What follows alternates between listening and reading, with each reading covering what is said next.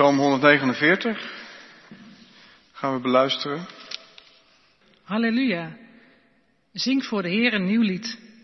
Roem hem te midden van zijn getrouwen. Laat Israël verheugd zijn over zijn machtige maker. Het volk van Sion juichen om zijn koning. Laten zij dansen, dansend zijn naam loven. Bij lier en tamboerijn voor hem zingen. Ja, de Heer vindt vreugde in zijn volk. Hij kroont de vernederden met de zegen. Laten zijn getrouwen juichen in triomf. Nog jubelen als zij te rusten gaan. Met lofzang voor God uit hun kelen. Een tweesnijdend zwaard in hun hand. De volken laten boeten. De naties bestraffen. Hun koningen in boeien slaan. Hun leiders met ketenen binden. Het geschreven recht aan hen voltrekken. Dat is de glorie voor al zijn getrouwen. Halleluja. Dit is het woord van God. Gemeente van Christus, broeders en zusters. Ik wil deze psalm graag uitleggen in drie punten. Het eerste is dat het over toekomst gaat. Het tweede is dat het over strijd gaat. Het derde is dat het over vreugde gaat. Ik wil u prijzen is uh, gekozen voor um, de serie waarin deze psalm staat als thema. Ik wil u prijzen. En ik zat me af te vragen wanneer heb ik nou voor, zelf voor het laatst uitbundig God geprezen. En wanneer heb jij dat gedaan? Jullie hier voorin kunnen zeggen, we hebben dat net gedaan, twee minuten geleden, toen die psalm uh, zongen. Um, maar als ik voor in de kerk sta, dan bij ons in de kerk wordt het niet gezongen, dan zit ik een beetje mee te mummelen. Dat ik nou uitbundig God aan het prijzen ben, dat gevoel heb ik niet in de kerk. En eerlijk gezegd doe ik het ook veel te weinig thuis. Dat ik dan zelf maar het liedboek pak en achter de piano ga zitten of wat dan ook en God ga prijzen. Ik weet niet hoe dat voor jou uh, zit, hoe jij er thuis bij zit of uh, op je fiets zit te zingen. Of dat je ook moet zeggen dat ik nou uitbundig de God loof en prijs. Nou, dat is nu toekomstmuziek. Dat moet nog komen. Ik kwam gisteren een gemeentelid tegen in de Albert Heijn. En die, dat is heel grappig, ze ging boven op de wc-rollen staan. Ze is iets kleiner dan mij. Dus, en ze stond zo, wat zal het fantastisch zijn als we weer in de kerk zullen zijn en met z'n allen een loflied aanheffen. Het was al duidelijk, dat is toekomstmuziek. God gaan prijzen met z'n allen, te midden van zijn getrouwen. In een blijde stoet hem tegemoet, wat die psalm zingt. Nou, dat er iets van toekomstmuziek in zit, dat is wel duidelijk. Na het duister van de wereldnacht blinkt de luister van Gods geslacht. De wereldnacht is nog niet voorbij. En je ziet het ook in het woordje nieuw in deze psalm. Zing voor de Heer een nieuw lied. Het woord nieuw heeft in de Bijbel te maken met God die nieuwe dingen doet. Met een toekomst die, die aansluit bij wat hij ooit heeft gedaan, een, een grootse schepping maken. Een toekomst die aansluit bij wat hij ooit heeft gedaan, zijn volk bevrijden uit de slavernij. Een toekomst die aansluit bij wat hij ooit heeft gedaan, Jezus uit de dood opwekken. Maar een toekomst die nog veel groter en machtiger zal zijn. Het, het grootste werk van God moet nog komen. Het is toekomstmuziek. Het eind van het psalmboek is toekomstmuziek. Ik, ik kom er zo in de preek ook wel op dat het, dat het ook nu al gezongen kan worden, dat nieuwe lied. Um, maar het eind van het psalmboek dat zit vol met halleluja. Deze psalm begint en eindigt met halleluja. En dat geldt vanaf de psalm 145 tot aan 150, dat het woord halleluja steeds terugkomt. En dat is een woord wat typisch is voor het, het laatste deel van het psalmboek. Het psalmboek is onderverdeeld in vijf uh, boeken, die bij elkaar zeg maar die 150 psalmen vormen. En als je dat langs gaat in een vogelvlucht, het eerste boek van de psalmen, psalm 1 tot en met 41, gaat heel vaak over David die achtervolgd wordt. Dat gaat over de, de Messias van God die nog niet op de troon zit, die vijanden om zich heen heeft. Vervolgens vanaf psalm 42 zie je David meer op de troon komen en ook de zoon van David, psalm 72 de zoon van de koning, laat hem regeren. Salomo. En dan wordt ook heel vaak het woord God gebruikt. Dan zoekt die koning eigenlijk communicatie met de andere volken. Maar in het derde psalmboek, psalm 73 tot 89, gaat David juist weer van de troon af. Het eind van psalm 89 is van God, uh, uw belofte is gebroken. Uh, David is van zijn troon afgestoten. Dan komt de ballingschap. En het vierde psalmboek, psalm 90 tot 106, is eigenlijk iets van die ballingschap. De, de troon in Jeruzalem is leeg en Israël die ontdekt, ja we zitten in ballingschap. De beloften lijken onvervuld van een land en een troon en een volk en een tempel. Maar God is koning over de hele wereld. De koningspsalmen, die zitten in, in de 90, zeg maar. Psalm 93, 94. En dan vanaf psalm 107 is het het eind van de ballingschap. Zij die in kettingen zaten, zij die verstrooid waren, zij mogen van zijn liefde spreken, want ze mogen weer naar huis. Dus zo zie je in het hele psalmboek zit een, beweging van de geschiedenis van Israël. En dat eindigt in het, in het grote halleluja. Dat alles en iedereen God zal prijzen. Nou, in Israël heeft ze altijd allemaal gezongen, die psalmen, maar ze zijn ook onderweg naar het eind van het psalmboek. Het is toekomstmuziek. Wanneer zullen we nou eindelijk God echt met z'n allen loven van harte weer? Komt het goed met deze wereld? Met de wereldnacht en de klimaatcrisis en alle ellende die er is. En goed, in Nederland gaat het nog best aardig en uh, we hobbelen verder en er komt straks weer een nieuwe coalitie, maar die wereldnacht. Israël zingt ons voor, we zijn onderweg en we zullen halleluja zingen. Het, het, het woord halleluja staat hier dus aan het eind van het psalmboek heel erg vaak. Eigenlijk helemaal niet zo heel vaak in de Bijbel. Als je, je denkt halleluja, dat is een woord dat in elk Bijbelboek wel een paar keer staat. Is niet zo. In het psalmboek, met name in dat vijfde psalmboek. En in het Nieuwe Testament, in openbaring. Als ja, de, de eindstrijd beslecht wordt, als de ruiter op het witte paard Christus de geschiedenis tot een eind leidt, de bruiloft van het lam komt, dan wordt er halleluja gezongen.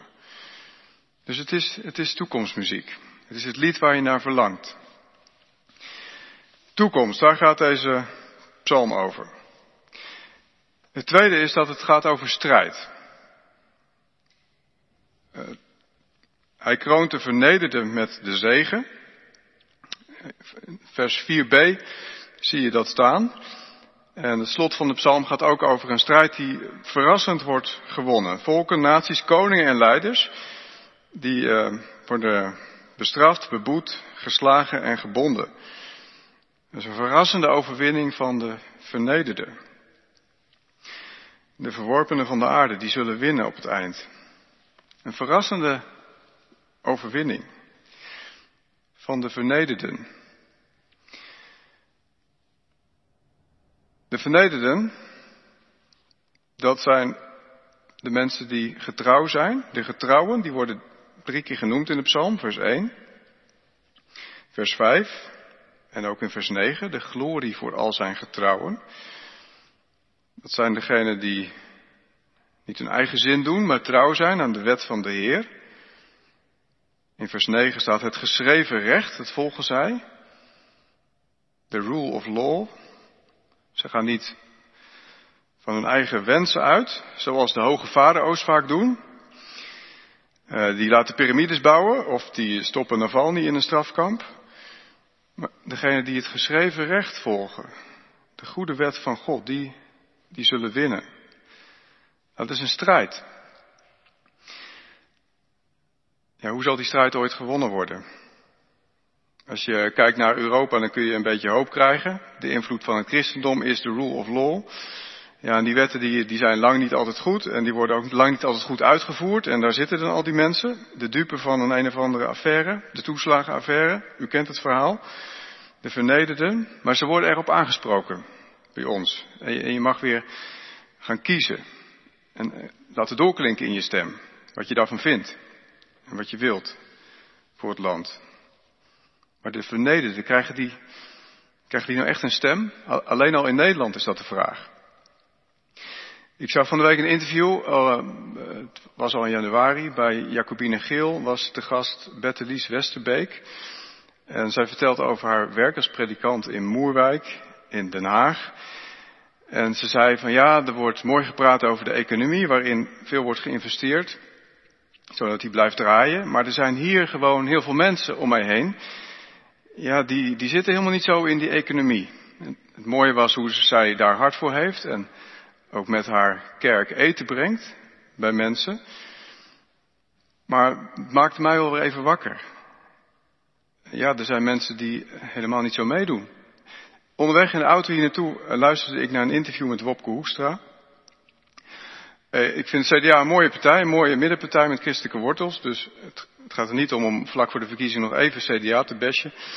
Uh, maar hij zei goede dingen, meneer Hoekstra. Maar hij zei ook, ja in Nederland is het toch zo, iedereen die, die, die er wat wil van maken, iedereen die zich inzet, nou die moet ook wat kunnen bereiken. Ja, iedereen die er wat van kan maken.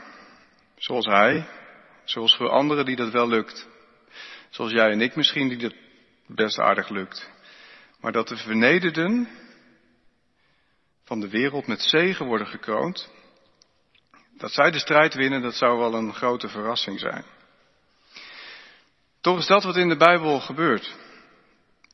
Toch is dat wat in Christus Jezus gebeurt. Hij die zegt, zalig zijn de armen. Hij die wordt geketend aan een kruis. Hij is degene die met zegen wordt gekroond.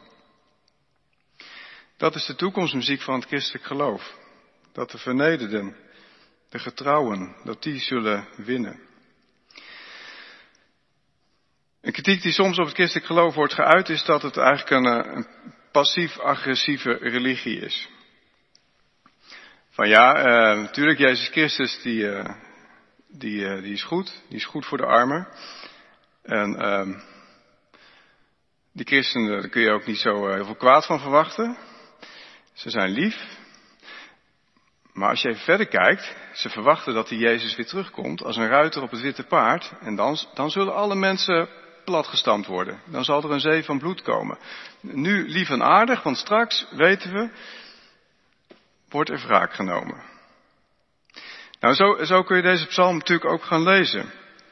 Dat uh, er een tweesnijdend zwaard in voorkomt, in vers 6. Dat klinkt niet al te veelbelovend. Als je dat nou even letterlijk neemt en je verbindt je, je religieuze agenda met wat wapens, dan kan het toch een gevaarlijke psalm worden. Ja, die koningen en die leiders, we moeten ze pakken als we straks de kans krijgen. Is dat zo? Nee, vanmorgen heb ik gepreekt over Pilatus. En Jezus houdt van Pilatus. En hij zoekt het gesprek met hem. Jezus, Jezus komt nog niet. Want hij zoekt alle mensen op, nu. Jezus wil niet graag wraak nemen. Maar hij wil wel de, de goede wet van God laten winnen. En wie wetteloos is, dan toch uiteindelijk, toch uiteindelijk afstoppen. De koning in de boeien slaan. Hun leiders met ketenen binden.